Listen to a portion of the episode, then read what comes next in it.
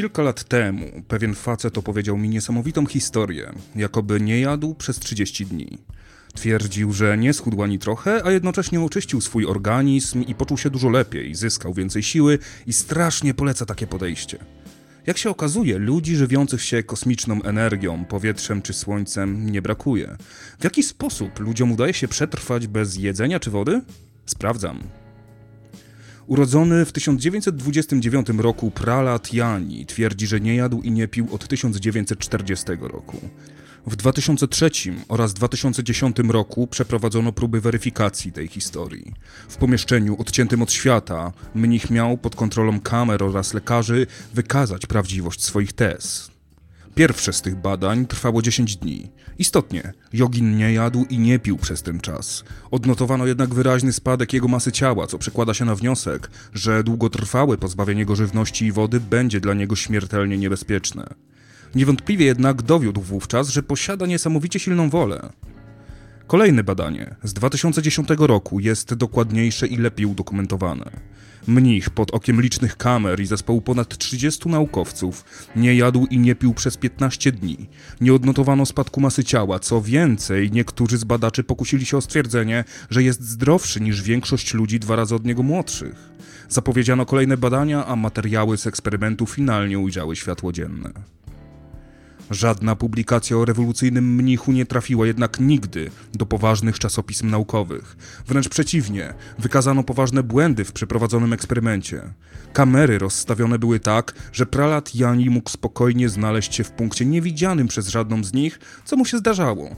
Oprócz tego w trakcie eksperymentu kąpał się, jak i od czasu do czasu przepłukiwał usta wodą. Jedzenie to kwestia drugorzędna. Bez niego da się przeżyć dość długo, nawet parę tygodni. I takie przypadki, choć należą do rzadkości, są zrozumiałe i wytłumaczalne.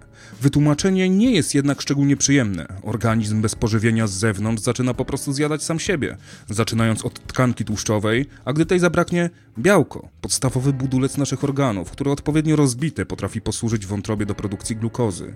Śmierć następuje najczęściej w wyniku zawału serca lub arytmii spowodowanych uszkodzeniem tkanek oraz zaburzeniami elektrolitów. Jednak mimo wszystko cały czas nosimy w swoim organizmie zapasy na ciężkie czasy. Z wodą jest dużo większy problem. Składamy się głównie z niej i wytracamy ją cały czas, nie tylko w toalecie. Nasze ciała nieustannie parują, sporo też wylatuje z oddechem. Dlatego cały czas potrzebujemy uzupełniania płynów. Utrata już 10% wody z organizmu powoduje zaburzenia postrzegania, a śmierć następuje przy utracie od 15 do 25%. Woda, jako dość uniwersalny rozpuszczalnik, sprawia, że w naszych ciałach życie dosłownie płynie. I o ile możemy się bardziej lub mniej świadomie pozbawić jedzenia i picia, swoją drogą jest to popularna metoda torturowania, to z oddychaniem i parowaniem nie ma już tak lekko.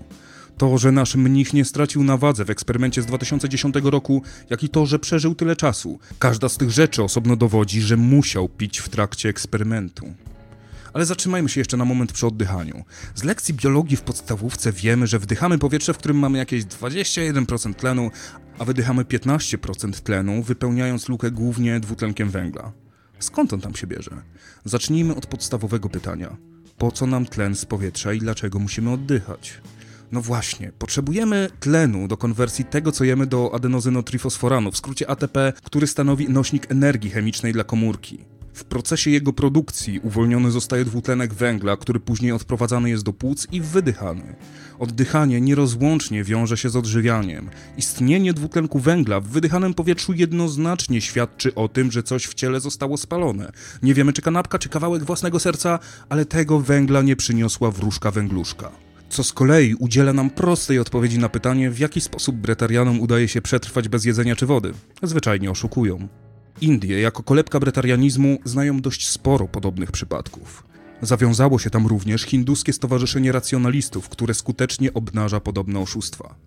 W 1999 roku, badając sprawę Kumari Nerji, która twierdziła, że jest wcieleniem hinduskiej bogini Saraswati, od lat nie je, nie pije i nie wydala, odnaleźli w jej rzekomo odizolowanym miejscu małą, ukrytą toaletę oraz zamaskowaną dziurę w ścianie, przez którą dostawała posiłki.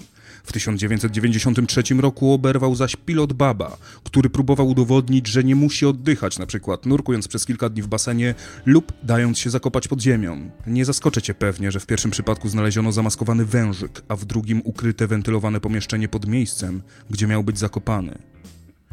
Fałszerstwo nie jest jednak kompletną odpowiedzią na pytanie, gdyż istnieje jeszcze jedna wąska grupa Bretarian, której nie można zarzucić oszustwa. Nominowana w 1999 roku do Nagrody Darwina w Verity ze Szkocji, która zmarła wskutek hipotermii i odwodnienia podczas 21-dniowej głodówki.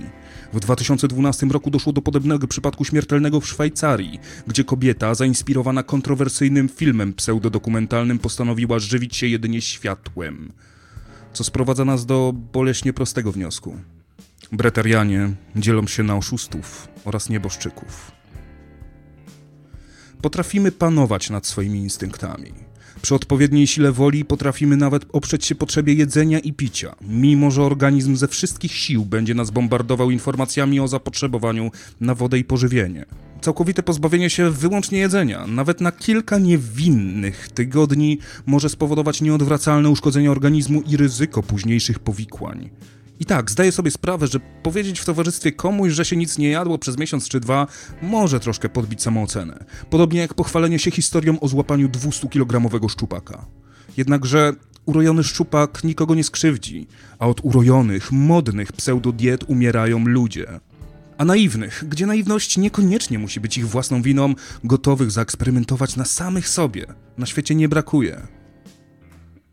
W historii o Bretarianach pojawia się często wyjątkowo znienawidzony przeze mnie argument. Nauka nie jest w stanie wyjaśnić, jak Bretarianie wytrzymują bez jedzenia. Kto przy zdrowych zmysłach bada, jak działa zjawisko, jeśli wcześniej nie udowodniono, że ono w ogóle istnieje? Idę o zakład, że nauka również nie jest w stanie wyjaśnić, jak mój kot wytrzymał trzyziemskie dni w atmosferze Jowisza, kiedy ostatnio poleciał za czerwoną kropką.